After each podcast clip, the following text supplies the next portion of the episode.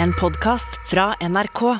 De nyeste episodene hører du først i appen NRK Radio.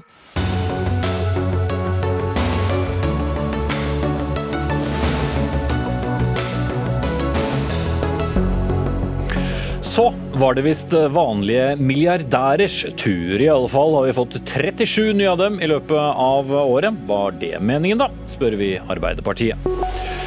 Stavanger og Bergen må samarbeide dersom Vestlandet skal få til noe som helst i kampen mot Oslo, mener professor i Bergen. Vi trenger ikke Bergen, svarer oljebyen.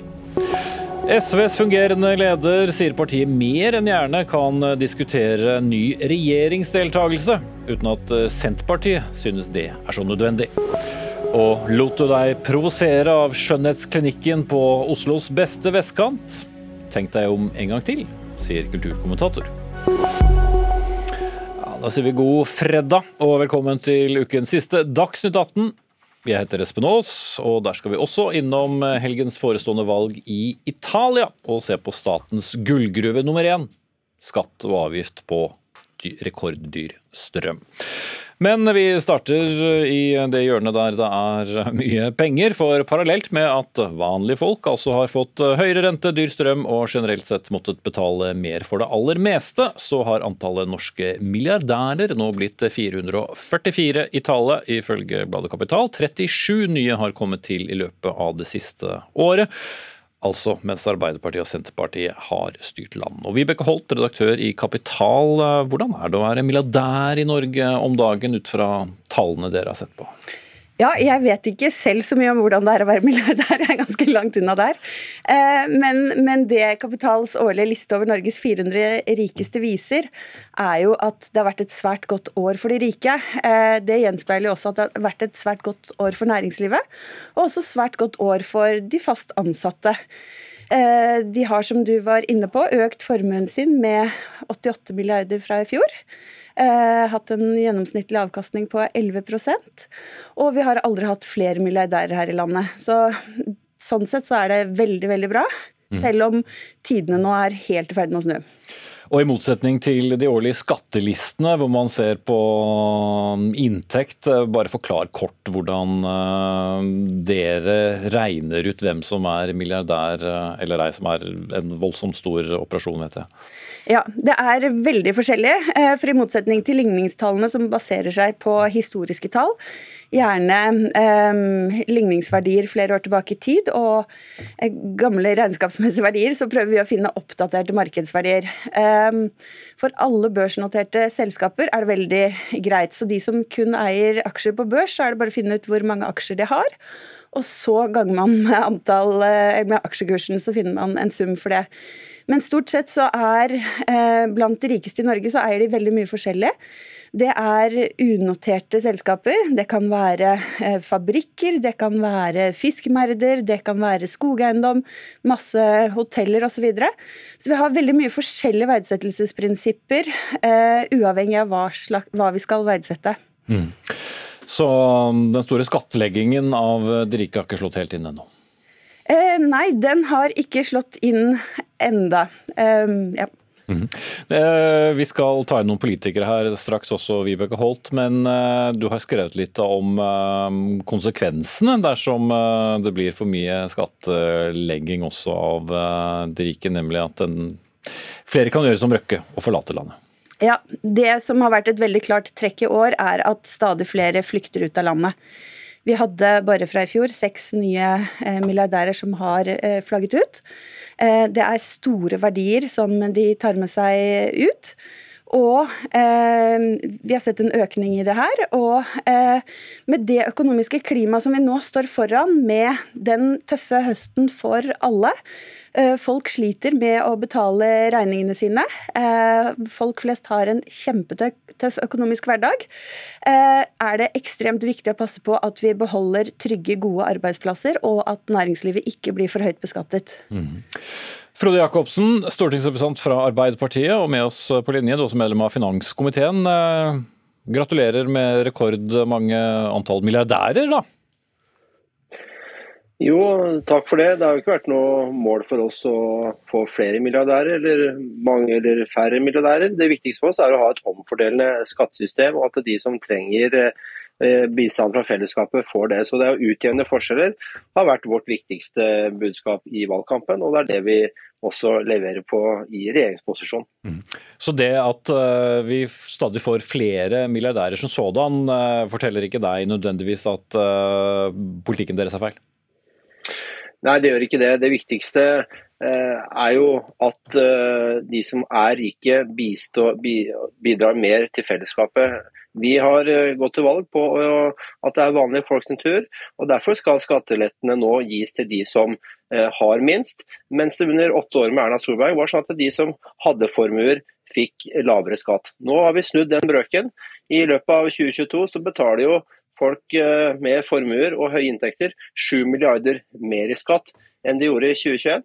Det er en tydelig retning for vår regjering. At de som har den beste og kan bære de største byrdene, også skal betale mer til fellesskapet. Det er den norske samfunnskontrakten okay. som dette handler om, og det tror jeg vi skal stå oss på. Og det er den retningen vi har pekt på i vår regjering nå.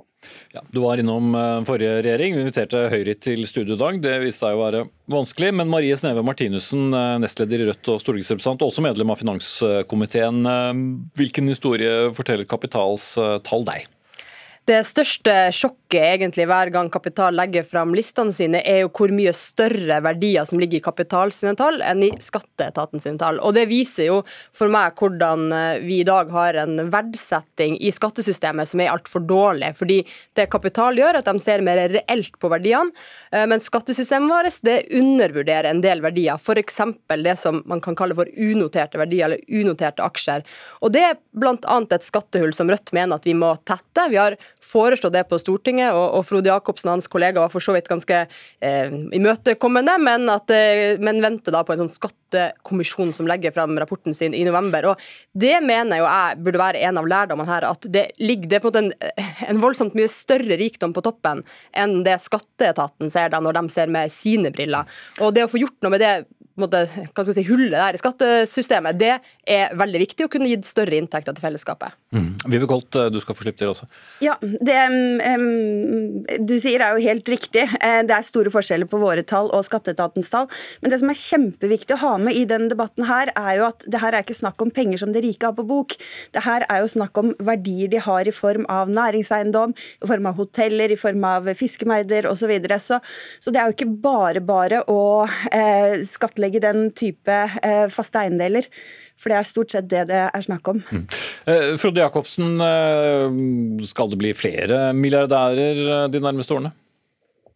Igjen så er ikke det en politisk målsetting for oss at det skal bli flere milliardærer, heller ikke det motsatte. Det viktigste er at vi har et utjevnet skattesystem som gjør at de som har mest, bidrar mest. Derfor får de som har store formuer, økt formuesskatt. Derfor får de som har høye inntekter, økt inntektsskatt.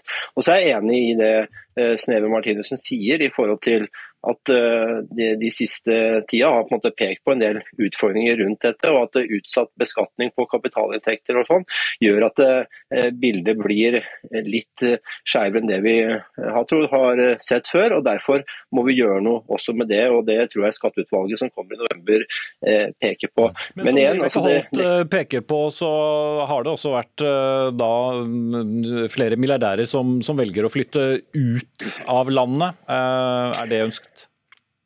Det er ikke ønsket, og jeg beklager og syns det er synd at eh, Røkke og andre flytter ut av Norge. Eh, det, det denne kapitaltallene viser, er at det er eh, lett å lykkes i Norge. Det tror jeg vi skal være glad for. Vi trenger folk som lykkes, vi trenger folk som skaper arbeidsplasser, og vi trenger at folk bidrar til fellesskapet. Og Det er den samfunnskontrakten der dette handler om. De som har vært heldige og skapt, skapt verdier i Norge, syns jeg også bryter med det hvis de flytter. De må være, være, i Norge, bidra til at eh, også kommende generasjoner får gå på gratis skole, slik de sjøl har gjort. At eh, det er en god eldreomsorg for alle. Det er det fellesskapet vi i Norge eh, er kjent med. Den norske modellen og den norske samfunnskontrakten syns jeg de folka her også bør respektere. Er det understreket? Uh, Martinussen, hva burde regjeringen gjøre nå? Jeg syns også man ikke burde stikke av fra skatteregninga, sånn som mange milliardærer gjør. Men det her er også noe som kan løses delvis politisk av regjeringa, og som Rødt åpenbart gjerne også støtter. Eh, og Det handler jo om å tette det hullet som egentlig er i dag i skattesystemet. At du kan flytte til et annet land, f.eks. Sveits, bli der i fem år, og så slettes hele den skatteregninga som ganske mange rike har samla opp. Det handler ikke om formuesskatten, men såkalt utsatt beskatning eller utsatte gevinster. Eh, forskere som, eh, som, ikke er med, men fra NHO, eh, har vurdert det til at Røkke har ca.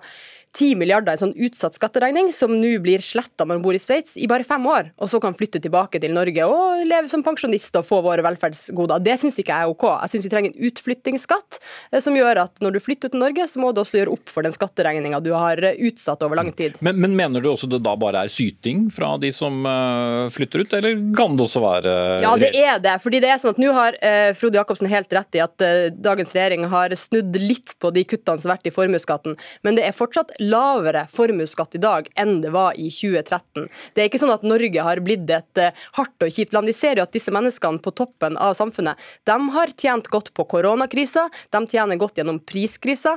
I år så kommer folk flest til å få reallønnsnedgang, ganske kraftig nedgang, mens de rikeste de kommer seilende gjennom det meste. og Da syns jeg at det er faktisk syting å mene at det å betale bitte, bitte, bitte litt av skatten din De rikeste betaler altså mindre skatt per krone de tjener enn en helt vanlig sykepleier. Det syns jeg er ganske drøyt. Ja, Det som er kjempeviktig å passe på her nå, er at det her er um, verdier som er per nå. Eh, nå er vi i et kjempevanskelig økonomisk situasjon. Vi ser bare de siste dagene har børsene falt over 10% Det her er verdier som svinger fryktelig fryktelig opp og ned. Eh, skatten blir fastsatt ut fra verdier per 31.12. Mange eh, får en skatteregning ut fra verdier de hadde på slutten av fjoråret, mens eh, verdiene nå, og når skatten for neste år skal betales, eh, de sannsynligvis kan ha tapt veldig mye pga. vanskelige økonomiske tider. Ehm, eh, så, så, det er den ene tingen, at eh, skatten går såpass langt tilbake i tid og skal baseres på de verdiene som ikke gjelder på eh, da skatteregningen skal betales. Og det andre er at eh, de skattene virker eh, ugunstig for nordmenn i forhold til utenlandske eiere. Og det er vel nettopp det. Jeg tror ikke det er det at norske rikinger ikke ønsker å betale skatteregninger. For de som har flyttet ut av landet, det har vært de største betalerne av moms. Det har vært de største skattebetalerne i det private næringsliv. Men de opplever at utenlandske eiere slipper rimeligere unna. og Sånn sett så blir det konkurransevridende, og det håper jeg dere som politikere vil ta inn over dere og diskutere. Det går opp og ned, men stort sett mest opp. I dag var det i hvert fall en del med store aksjeformuer som eh, kanskje skalv litt eh, ekstra idet Oslo Børs stengte godt eh, ned. Takk til Vibeke Holt, redaktør i Kapital, Marie Sneve Martinussen, stortingsrepresentant fra Rødt, og Frode Jacobsen, stortingsrepresentant fra Arbeiderpartiet. Og kan understreke at ingen i dette studio var på den listen. Ja, og Apropos uh, høye tall, hva skal skje med de 73 milliardene, eller 73 000 millionene om du vil, som staten i år håver inn ekstra som følge av høye strømpriser? For uh, det håves inn uh, mange milliarder i skatt, mer merverdigift og eierutbytter som følge av de høye strømprisene. De anslagene de kom fra Energi Norge denne uken. Og før vi skal snakke med Energi Norge, så begynner jeg hos deg, Lars Haltbrekken fra SV. Regjeringen må bruke pengene annerledes enn de gjør gjør nå. Hvordan da? Vi mener at uh, vi kan ikke leve med de skyhøye strømregningene som vi har nå. Uh, og de voldsomme inntektene som vi har fra dette, gjør at uh, vi kan forbedre den strømstøtteordninga som vi har til husholdningene. Vi kan gjøre den mer rettferdig, sånn at den i større grad hjelper dem som har dårligst råd. Vi kan også bruke mer penger på energieffektivisering, sånn at vi gir folk et varig vern mot uh, skyhøye strømregninger. Uh, så det er uh, noe som vi kommer til å jobbe for framover nå. Mm. Ja, Knut Krøpelin, administrerende direktør i Energi Norge. Det er jo dere som da har regnet på disse tallene. Men betyr det da også at det er vanlige folk som er de som betaler inn mesteparten av dette? Ja, Det dystre bakteppet for disse tallene vi legger frem nå, er jo selvfølgelig knappheten på energi i Norge som følge av tørke i Sør-Norge og eh, Putins gasskrig, som gjør at det er knapphet på energi i landene rundt oss. Og Den knappheten gir seg utslag i høye priser, dessverre. og Det er jo veldig lite ønskelig, for det bremser både klimaomstillingen i Norge og det bremser investeringer i industrien. Eh, når det er sagt, så er vi altså i den situasjonen i Norge at vi har et system for å omfordele dette, siden vi har offentlig eierskap og vi har grunnrenteskatt. Og Det misunner jo nå de fleste europeiske land oss, for det gjør oss i stand til å tilbakeføre de verdiene til fellesskapet. Vi, våre tall de viser at det er 70 milliarder kroner i ekstrainntekter eh, bare til staten i år. Eh, det er jo da mye grunnrenteskatt, men også utbytte til selskapene som staten eier. Så vi mener at som Haltbrekken er inne på, at dette viser at det er mulig å videreføre strømstøtten til privathusholdningene, eh, videreføre bedriftsstøtte, og også få frem et klima-, enøk- eh, og sosialt budsjett. Mm. Finansminister Trygve Slagsvold Vedum fra Senterpartiet med oss på linje fra Hamar. Hva skal du gjøre med alle disse ekstra pengene? Det er jo helt riktig som eh, det blir sagt her, at inntektene øker.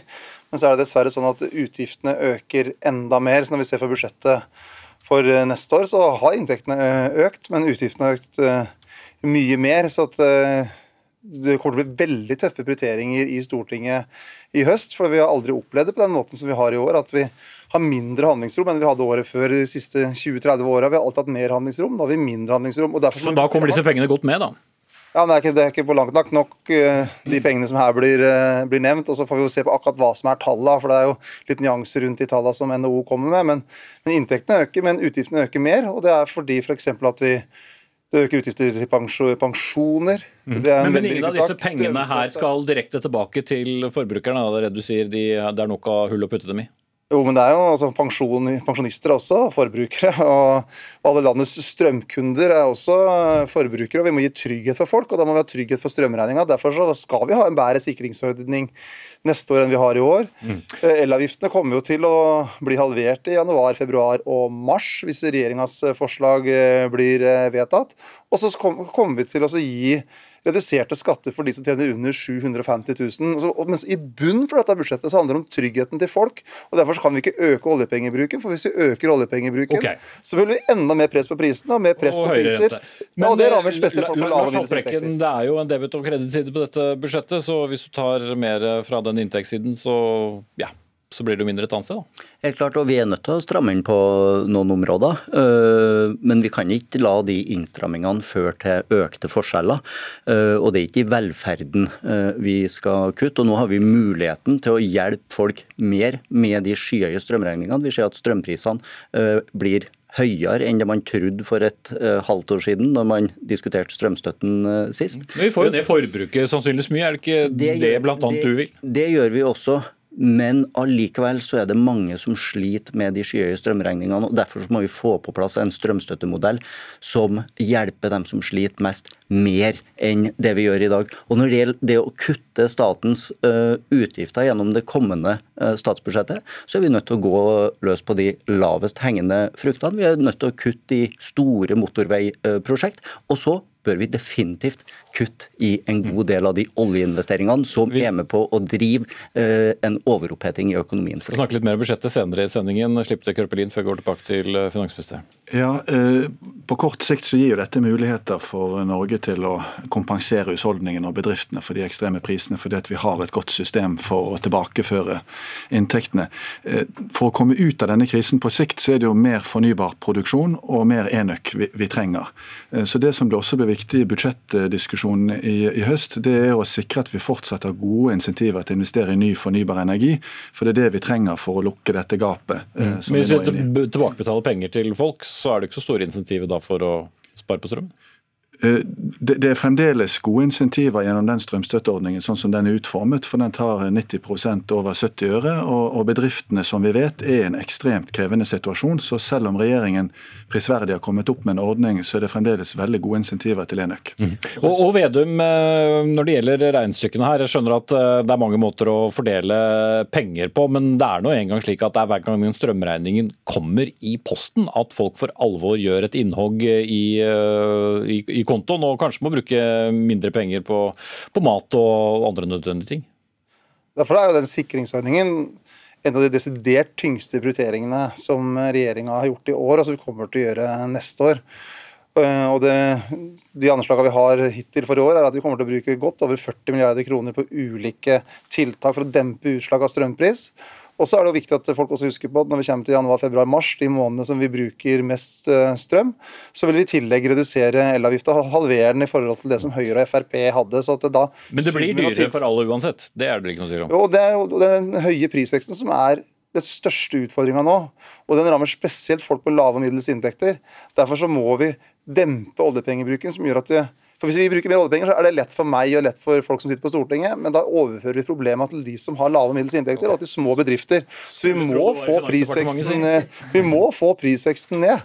For Hvis vi ikke får prisveksten ned, så rammer det folk så hardt. Og det rammer småbedrifter hardt. og Det er hovedjobben for oss som er politisk og, og, og de høye strømprisene Haltbrekken, som også Norges, eller sentralbanksjefen poengterte her i går, gjør jo også at folk er mer forsiktige med pengene, og som på sikt kan føre til at vi får ned inflasjonen. Så da er det vel bra at det er litt stramt også der? Men finansministeren har helt rett i at det er dem med de midlere og lavere inntektene som rammes hardest av de høye strømprisene. Derfor så må vi gjøre mer for å hjelpe nettopp de eh, grupperingene. Og Når det gjelder å få ned inflasjon, så kan vi kutte i motorveiprosjekter. Vi kan kutte i oljeprosjekter for å dempe mm. eh, prisveksten. Eh, og, så, og, så, er vi nødt til å bruke eh, noe av de pengene her på å sikre fortsatt satsing på energieffektivisering. Vi ser at eh, det siste året så har folk i Sør-Norge spart veldig mye eh, strøm. De har redusert forbruket sitt, eh, selv om de har fått eh, strømstøtte. Vi må nå sikre at det er noe som vedvarer, og gi folk penger, sånn at okay. man kan etterisolere boligen, installere varmepumper, solcelleanlegg på taket osv. Men, men Krøplin, det er vel ikke sånn at dine medlemsbedrifter ikke har til salt i maten som følge av de høye prisene heller? Ja, Som en del av disse beregningene så har vi også sett på hva som blir liggende igjen i selskapene etter at grunnrenteskatten er betalt, eh, avgiftene er betalt og utbyttet betalt til eierne. Og Det er i størrelsesorden 2 eh, milliarder kroner utover et normalår i de statlige selskapene og 7 i de kommunale og fylkeskommunale. Når det er sagt, så er jo dette den kapitalen som skal til for de investeringene vi trenger i mer fornybar energi og i klimatiltak. Så mitt budskap i dag er at de 70 milliardene som jo er det dominerende bildet, de gir muligheter til å også ha et budsjett som er en satsing på enøk og en satsing på klimaomstilling. Mm. Så det er ikke mer å hente i, i, i dere som produserer? Nei, jeg tror jo det, det, det, vi ikke bør gjøre nå, det er å svekke insentivene til fornybarproduksjon. Det er jo dessverre situasjonen i de fleste europeiske land som ikke har denne grunnrenteskatten. Det at de nå finner opp skatter som prøver å få tilbake penger fra fornybarprodusentene. og Da svekker du insentivene til ny fornybarproduksjon. Det blir hummerist fra Haltbrekken. Jeg, jeg, tror nok at det er mer penger å hente til velferdsordninger også fra uh, kraftselskapene. Og vi skal prise oss lykkelig for at det meste av kraftproduksjonen i Norge er uh, eid. Og så bør vi sikre også at den delen av kraftproduksjonen som fortsatt ikke er offentleid, mye av vindkrafta, blir uh, eid, sånn at vi kan få større kontroll på det. Men vi bør også se på muligheten nå av å pålegge kraftprodusenter produsentene til å være med på å finansiere eh, tiltak innenfor energieffektivisering. Det er fullt mulig eh, å gjøre, og Stortinget har bedt om en utredning av en sånn eh, ordning, så det bør vi nå se på. Sånn at de ulike kraftselskapene kan være med på å betale for å få etterisolert hus, få skifta ut vinduer eller gjort enøktiltak i industrien. Drøye to uker til eh, forslag til statsbudsjett legges frem, eh, Vedum. Blir det Det blir ikke noen endringer der da, så vidt jeg får skjønne på det, når det gjelder eh, den fordelingen av, av de ekstra skatteinntektene? Nei, altså, Regjeringa har jo hele tida ment at man skal kunne få strømstøtte opp til 5000 kW. Der SV har ikke ønska at man skal få en strømstøtte så høyt. For vi mener det er mange som bor i gamle og trekkfulle hus som ikke har spesielt god råd. At også de skal kunne få strømstøtte opp til 5000. Så jeg er veldig uenig i den virkelighetsbeskrivelsen som SV noen ganger har valgt å, å bruke. At det er rike folk eh, som eh, bruker så mye. For at det, en del folk må bruke så mye i januar, februar, mars. og Derfor er det riktig at vi har et så, så høyt nivå da. Og så er det det som er, Men det som er hovedproblemet i stort, er jo at penga strekker ikke til. Så vi må prioritere hardere, og da må vi prioritere det som er viktigst. Og det er tryggheten til folk. Okay. og så er det forsvar, politi og de grunnleggende tinga. For vi lever i en spesiell tid, og da må vi prioritere også nasjonal beredskap og kontroll. Mer om det senere i sendingen. Jeg takker dere av nå. Trygve Slagsvold Vedum, finansminister fra Senterpartiet, Lars Haltbrekken, stortingsrepresentant fra SV, og Knut Kroppelin fra Energi Norge.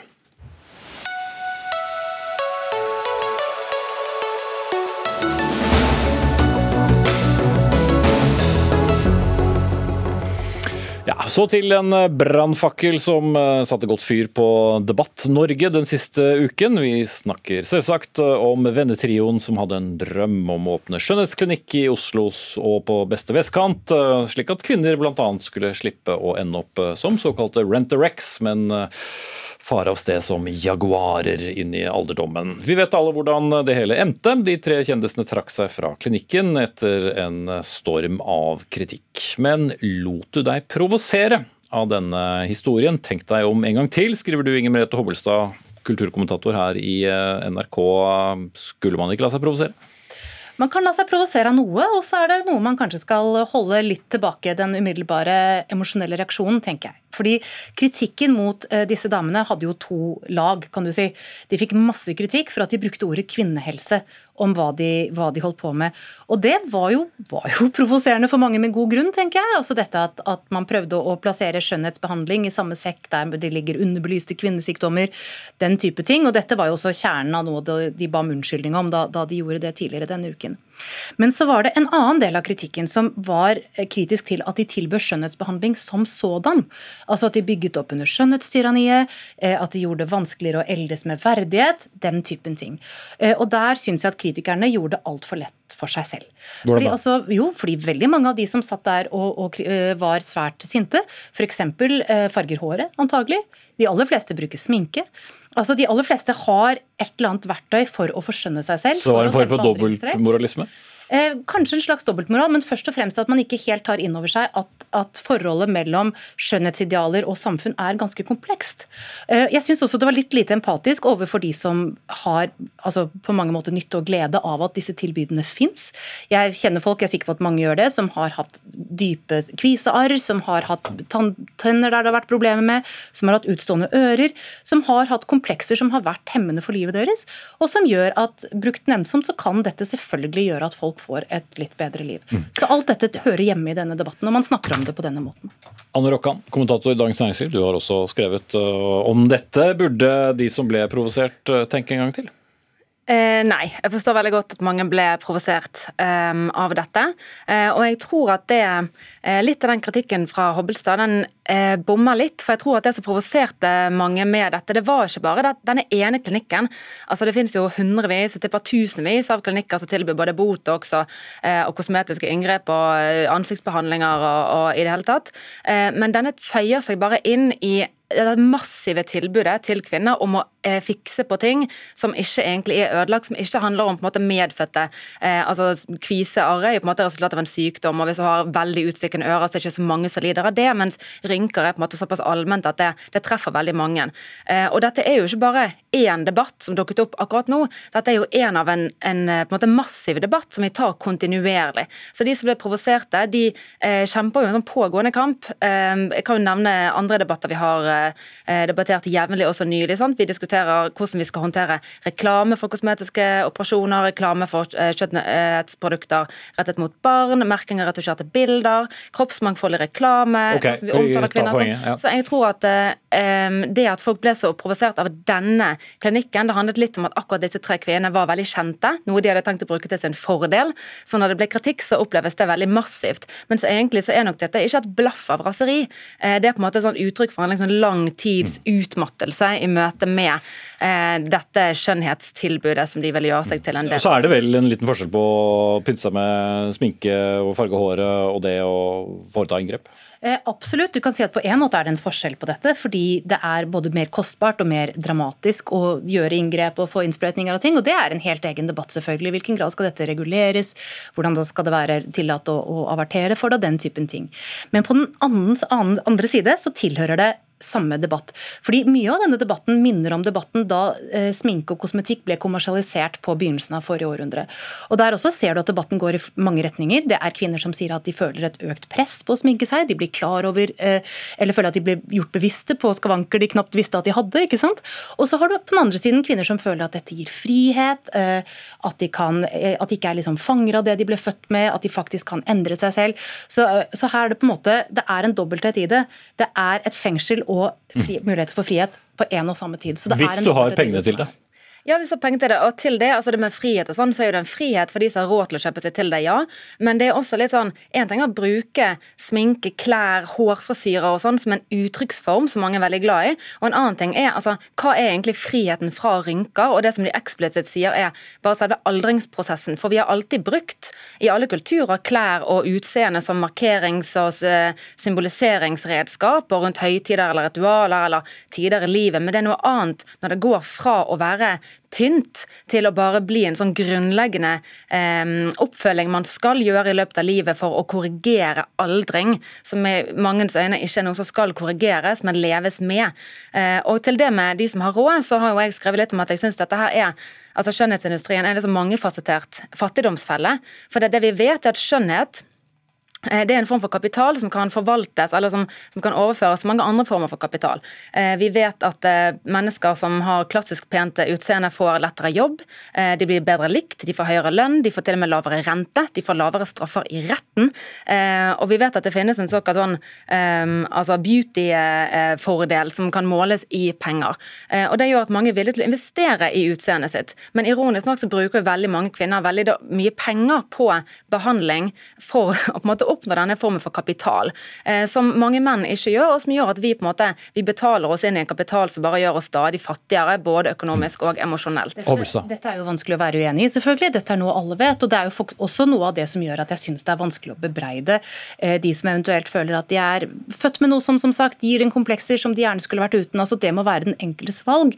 Eh, og det blir på en måte ja, altså Selvfølgelig, det er en økonomisk side også, de som er enig med det, men det blir en veldig sånn blanko-avvisning av dette eh, når man argumenterer såpass enkelt, da, såpass sort-hvitt, som motstanderne av denne, denne eh, klinikken har gjort. Og Jeg føler på en måte at vi som kultur er litt nevrotiske i møte med disse tilbudene. Eh, altså Det er på en måte det at de i det hele tatt finnes, at de i det hele tatt averterer, at det liksom skal gjøre at vi, at vi går i bakken. Altså Her tenker jeg at noen hver vil ha godt av å oppøve en viss sånn robusthet. da. Det at tilbudet er der trenger ikke å bety at du skal benytte deg av det. Det at det er en avstand mellom deg og kvinner i reklameplakaten, betyr ikke nødvendigvis at det er noe galt med deg, for dette er en person som lever av å være på en reklameplakat. ikke sant? Av en eller annen grunn så er det når det gjelder andre idealer i samfunnet, når det gjelder det rikeste samfunnet, det mektigste, mektigste samfunnet, så syns vi det er helt greit at det er en avstand mellom oss og dem. Når det gjelder de som er på en måte de vakreste i samfunnet, sett opp mot det rådende skjønnhetsidealet, så er det som om vi ikke tåler det, som vi blir veldig nervøse på. Det er det vi burde. Rokkan til slutt. De, altså, eh, Norges peneste er veldig mange flere enn 400 stykker, på en måte som vi har diskutert tidligere her i dag. Eh, og jeg tror ikke det er eh, dette med å oppnå en slags robusthet, det er akkurat det som denne kampen handler om. Eh, men når den, altså Robusthet er jo mot noe.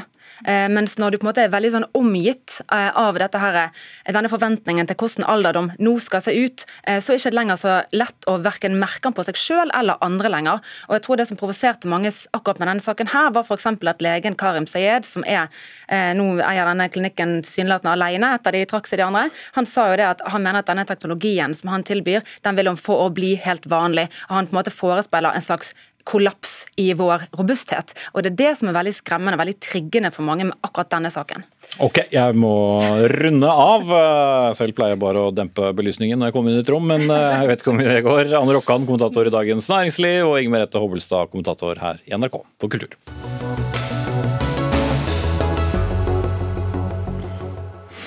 Det ble aldri noe av eh, drømmen om Gullkysten Vestlandet. Et kraftsenter som skulle utfordre Oslo-regionen om penger, makt og store prosjekter. For eh, som vi kjenner historien, oljebyen Stavanger og Rogaland ville ikke bli med i storfylket Vestland, som dermed ble Hordaland og Sogn og Fjordane. Og Svein Egil Omdal, eh, hva er det Bergen eh, har som eh, dere stavangerfolk eh, ikke liker? Og det, Jeg vet ikke om det er det som er problemet. Jeg tror det er mer at Bergen ikke ønsker at Stavanger skal få utvikle ting som truer det bergenske hegemoniet på Vestlandet. Og Derfor så opplever Stavanger veldig ofte at når en vil utvikle nye ting, enten det er på sykehussektoren, universitet, andre ting, Istedenfor å få drahjelp fra Bergen på vegne av Vestlandet, som de snakker så pent om, så obstruerer og motarbeider bergenserne det som måtte skje i Stavanger. Og jeg tror det er dette som har nedfelt seg som en dyp skepsis mot en konstruksjon der det bergenske hegemoniet blir ytterligere befesta. Mm. Eh, Morten Hammerborg, eh, professor i historie ved høgskolen, Høgskolen på, på, Vestlandet. Du har jo skrevet en kommentar i, i Bergens Tidende eh, med overskriften 'Vestlandet har et problem', og det heter Stavanger. Dette må du forklare. Ja, altså jeg skrev denne kommentaren med en dobbelt hensikt. Det ene er å prøve å vekke bergenserne og den bergenske offentlighet. For Bergen har jo i de ti siste årene omtrent gått inn i en slags bybanepsykose, som det virker umulig å få diskutert noe annet enn Bybanen, Bryggen og bompenger. Eh, og Det som tidligere var en veldig levende debatt eh, over hele Vestlandet, eh, det var jo nettopp disse ambisjonene med felles og virker jo helt ha gått i glemmeboken. Og For det andre så ønsker jeg å utfordre Stavanger litt på konsekvensen av at de stadig velger bort samarbeid på Vestlandet til fordel for intense kampanjer for å skaffe byen nye sentralfunksjoner, gjerne i konkurranse mot Bergen. Så denne, denne drømmen om eh, gullkysten eh, svant hen eh, med at Stavanger ganske effektivt både i 2007 og i 2016 tok livet av ambisjonen om å samle en region kalt Vestlandet. Eh, og eh, når jeg da, Særlig i forhold til opptreden i Helse Vest, eh, når jeg da skrev boken om Haukeland sykehus historie, så lurte jeg på denne Bare vent litt med den, eh, Hammerborg, for det blir ja. mange historier å, å, følge med på her. Men, men uh, Omdal, er det ikke noen drøm i Stavanger om et heldekkende og sterkt Vestland opp mot hovedstaden? Morten Hammerborg han har skrevet en glimrende bok om den bergenske syke, om bergenseren som fenomen. og et påfallende trekk ved den boka det er at Stavanger omtrent ikke er nevnt i det hele tatt. Og Han skriver i denne boken at det er bare én by som betyr noe for bergenserne, selvsagt utenom Bergen, og det er Oslo. Og Det er jo akkurat det eh, folk i Stavanger er veldig klar over, at eh, Bergen ønsker egentlig bare å bygge seg opp som, en, eh, som den sterke makten på Vestlandet for å kunne trekke til seg eller konkurrere med Oslo.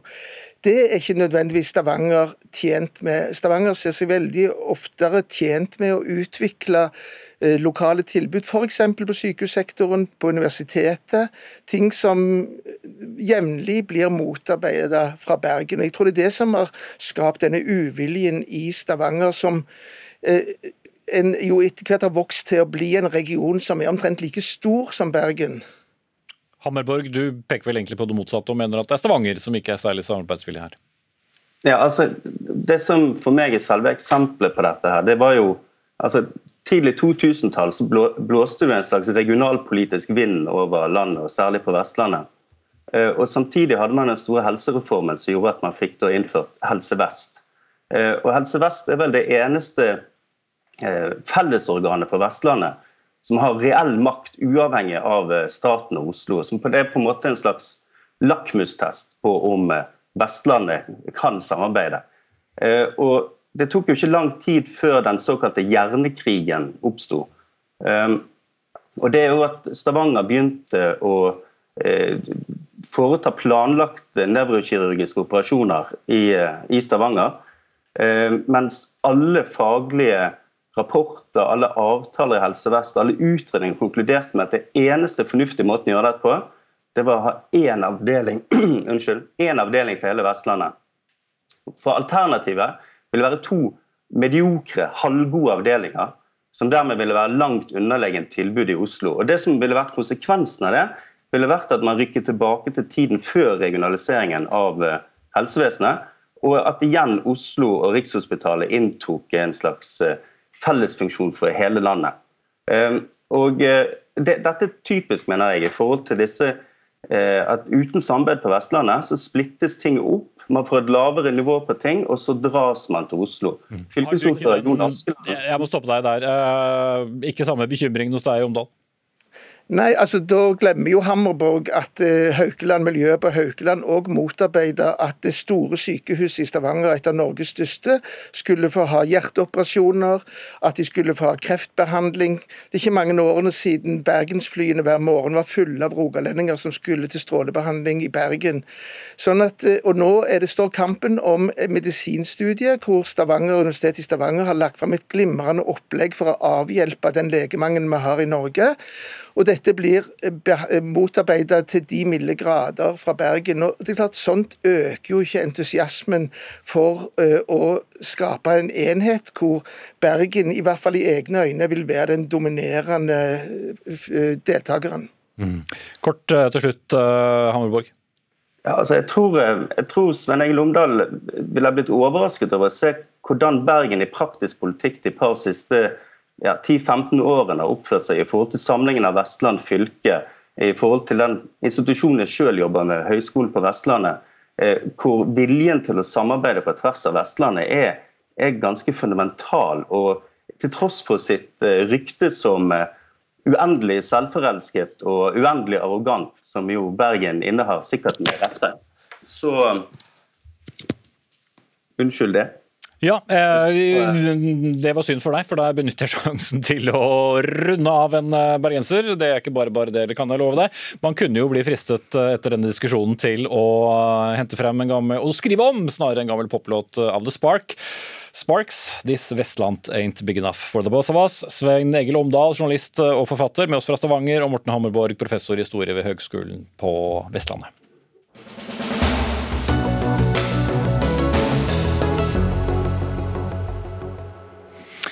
Jeg har vel eh, så vidt løftet på teppet allerede eh, i denne sendingen. To uker før eh, regjeringen legger frem sitt forslag til statsbudsjett for neste år, så posisjonerer da de rød-grønne partiene seg for harde forhandlinger i Stortinget, hvor SV er utpekt som partiet som skal sikre flertall for Arbeiderpartiet og Senterpartiet. Men ikke bare det, for i Klassekampen denne uken har vi kunnet lese at SV er klare for nye regjeringssamtaler når som helst, som det står, ifølge fungerende SV-leder Kirsti Bergstø, som svarte på spørsmål fra Klassekampen om dette.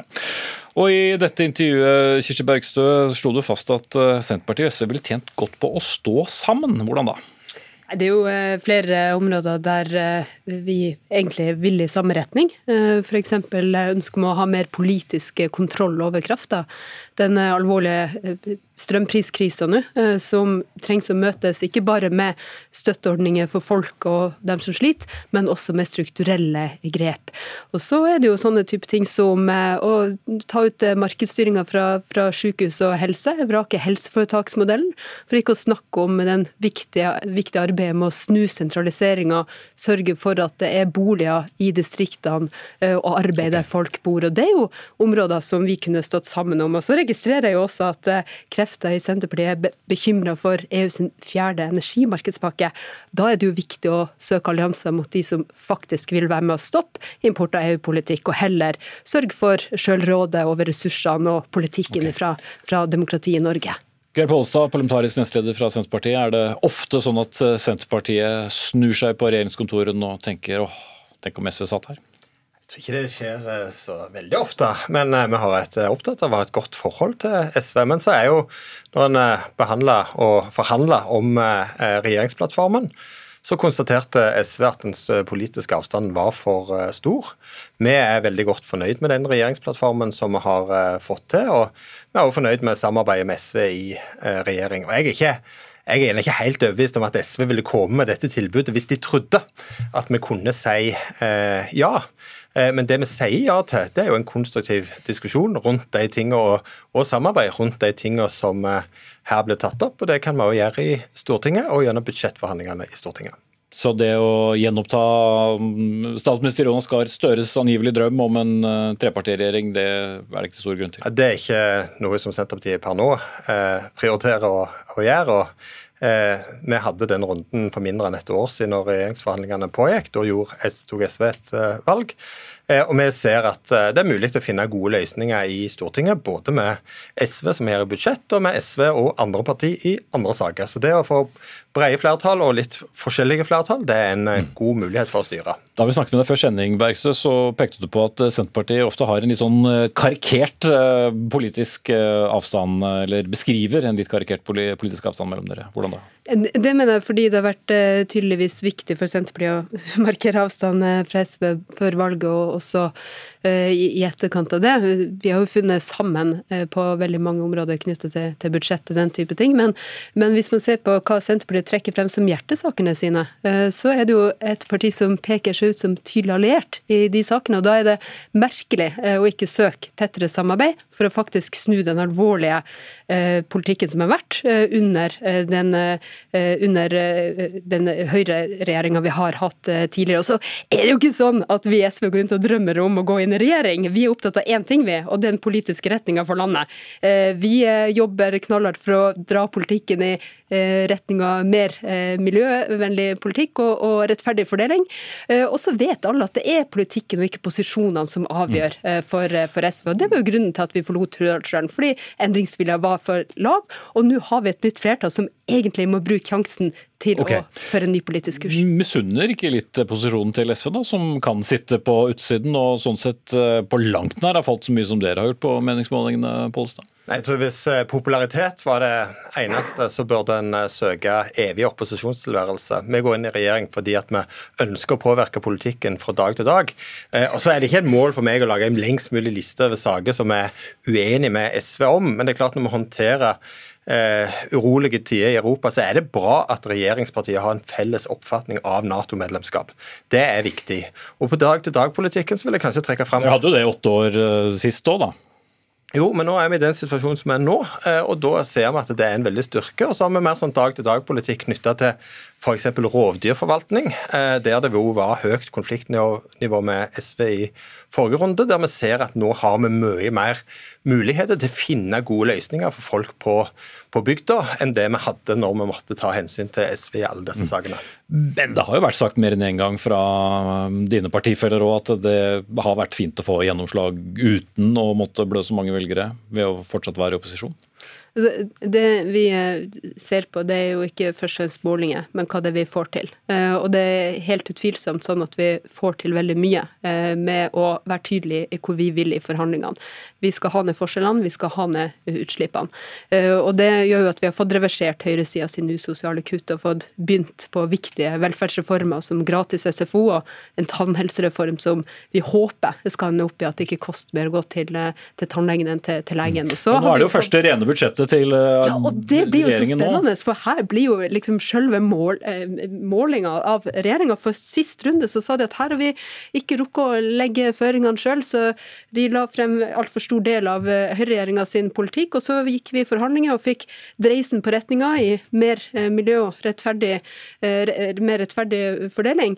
Og nå er det jo veldig stor spenning til om de faktisk tar de radikale omfordelingsgrepene som er nødvendig i den vanskelige dyrtida som er nå regner du med at dere må fire på mye når forhandlingene begynner? Nei, men Jeg gleder meg veldig til forhandlingene og ser fram til dem og tror at vi, vi skal bli eh, enige. Og så er Det det som er vår utfordring til SV, det er jo at en må være villig til å være med og stramme til, sånn at vi får kontroll på inflasjon og, og renta. Der har, jo, eh, har, det jo vært noen diskusjoner om SV i stor nok grad har forstått eh, alvoret i den situasjonen som vi står i. Ellers så mener jeg at dette blir en mer ryddig og ren eh, budsjettforhandling enn det vi hadde i fjor. Så det, det blir ingen fest, men det kommer helt sikkert til å gå bra.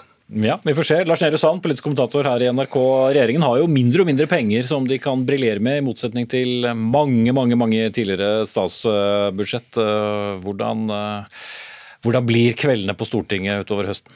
Det er jo litt uh, upløyd mark, hvordan uh, det blir å sitte på utsiden og skulle forhandle inn uh, seire da, når, når, handlingsrommet er såpass lite. Det gjør at det handler ikke bare om hva man kan og vil bruke penger på, det handler om hvor skal man finne penger, og hvor skal man kutte, hva skal man innføre av nye skatter, eller hvordan skal man innrette skatteopplegget med utgangspunkt i det som er. Og om forskjellene på SV og Senterpartiet, eller SV og regjeringen som helhet, blir større eller mindre som følge av det, det vet du ikke, men det er jo noe av det interessante og nye i høst. Mm. Men eh, SV valgte jo som de gjorde for et år siden, som vi har påpekt. Hvordan har de brukt det året?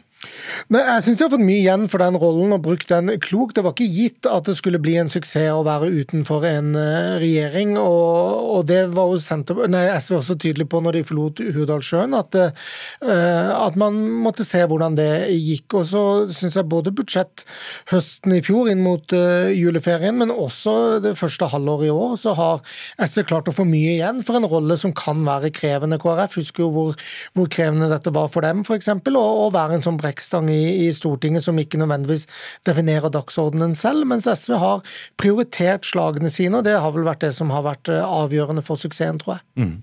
Så har de gjort dette sammen før, som sagt, men uh, nå skal de sikre flertallet for budsjettet. Hva blir vanskeligst for Arbeiderpartiet og Senterpartiet i disse forhandlingene?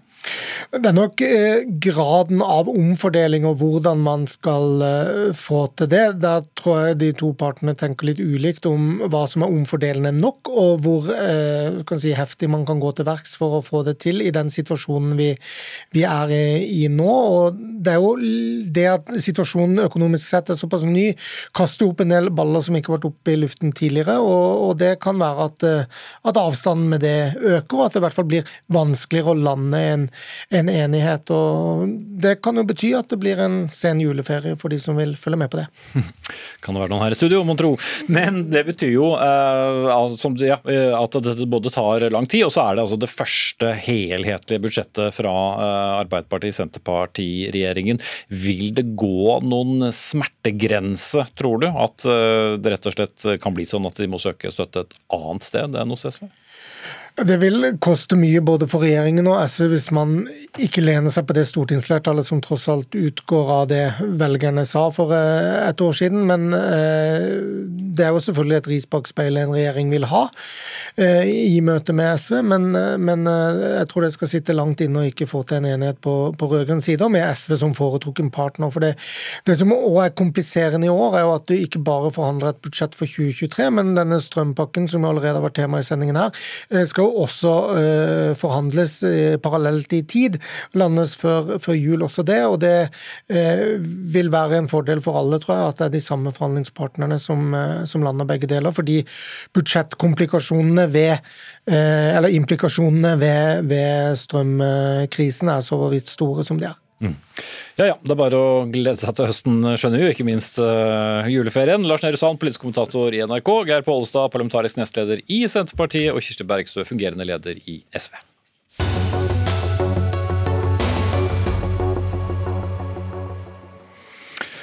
Etter valget nå på søndag kan Italia få sin første kvinnelige statsminister, og uansett så blir det den første demokratisk valgte statsminister i landet på elleve år.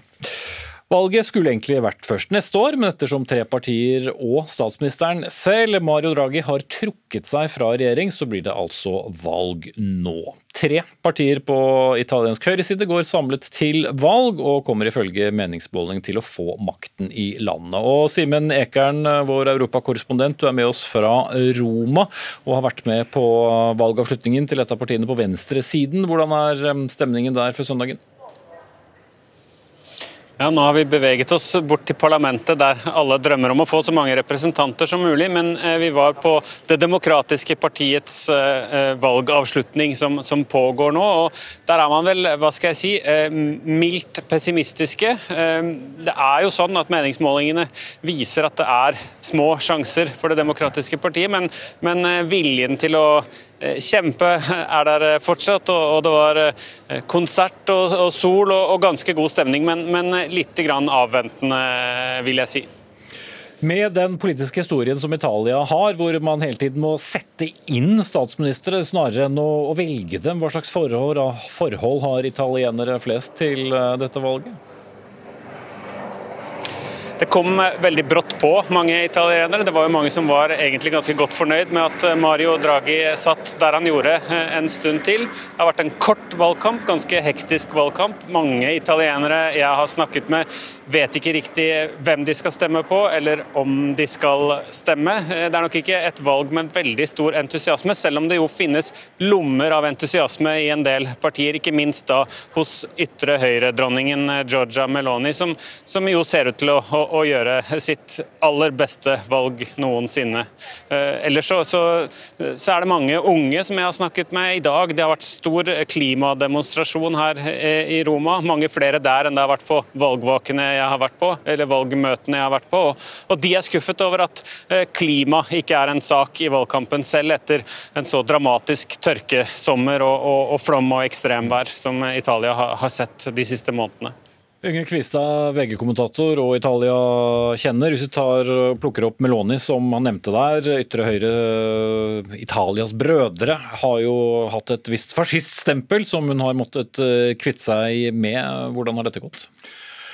Uh, ja, si det. Altså, uh, hun har jo litt, nærmest litt sånn ufortjent på mange måter fått at hun har fått et fasciststempel. Det er ingenting som tyder på at hun er fascist eller at hun ønsker å lede partiet eller gi partiet en fascistisk agenda. Men samtidig så har hun en ryggsekk å bære, både personlig og partiet ikke minst, som har røtter tilbake til det nyfascistpartiet som ble stifta av Mussolinis uh, nære venner og, og, og nazikollaboratører i 1946. Så går altså lenge før hun ble født, ja. ja så, går, så, går, det jo en rett linje fra det via Nasjonalalliansen, da, som, som, var et uh, parti på, på mellomveien her fram til Italias uh, brødre, som hun var med å grunnlegge da, i, i, 2012 og ble leder for i, i 2014. Og I mellomtida så har hun faktisk også vært leder for den ungdomsbevegelsen i, i det, det nyfascistiske partiet, så, så helt, helt rene hender har hun for så vidt ikke. sånn sett. Men har jo forsøkt etter beste evne å adressere litt andre historier nå opp mot valget. Hvor store sjanser har hun for å bli landets første kvinnelige statsminister?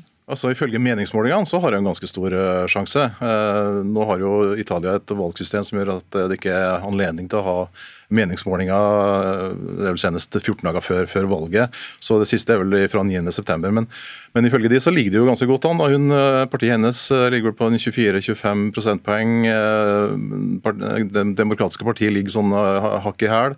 Men det er jo denne valgalliansen, denne mørkeblå valgalliansen som hun leder, sammen med Berlusconis Forza Italia og Salvinis Lega som gjør at eh, de, de seiler veldig opp på, på, på, muligheten for å kunne, eh, kunne vinne. Da. Ja, og, og Simen Ekern, eh, den ene tredelen der, nemlig Silvio Berlusconi, har jo fått hva skal vi si, ganske mye oppmerksomhet etter noen uttalelser om president Putin.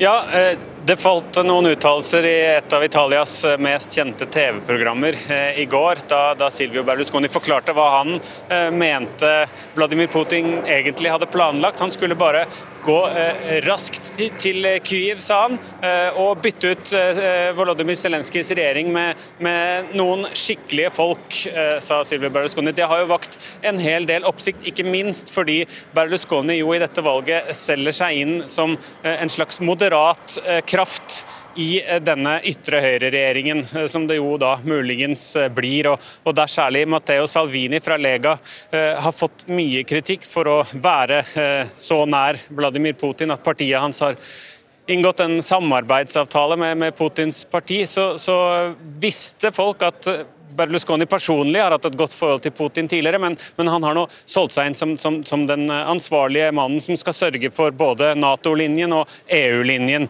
eh, i, i, denne regjeringen, og at ikke det skjer noe radikalt med Italias forhold til sine alliansepartnere. Så, sånn sett så, eh, så var det eh, nok ikke en helt heldig uttalelse, eller kanskje det var en uttalelse han gjorde med vilje. Det er jo aldri helt godt å vite med Berlusconi, selv om han har blitt 85 år gammel.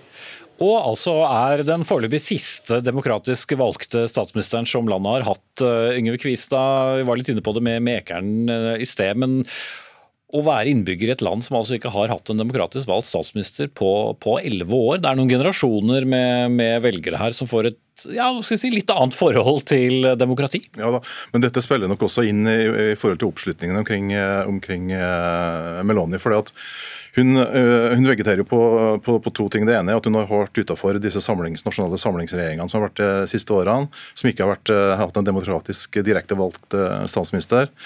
Uh, og så er det nettopp det at hun, hun, kunne også spille på denne protesten. altså Hun er en sånn protest fordi at hun uh, riktignok har jo sittet i, i regjering sjøl tidligere, men, uh, men uh, hun later som at det, det ikke har skjedd, nær sagt.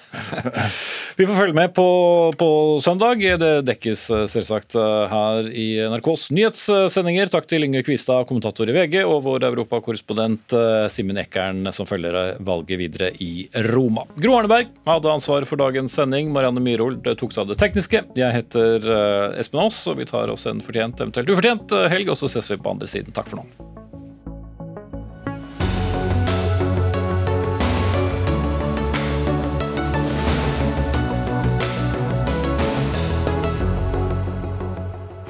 En podkast fra NRK.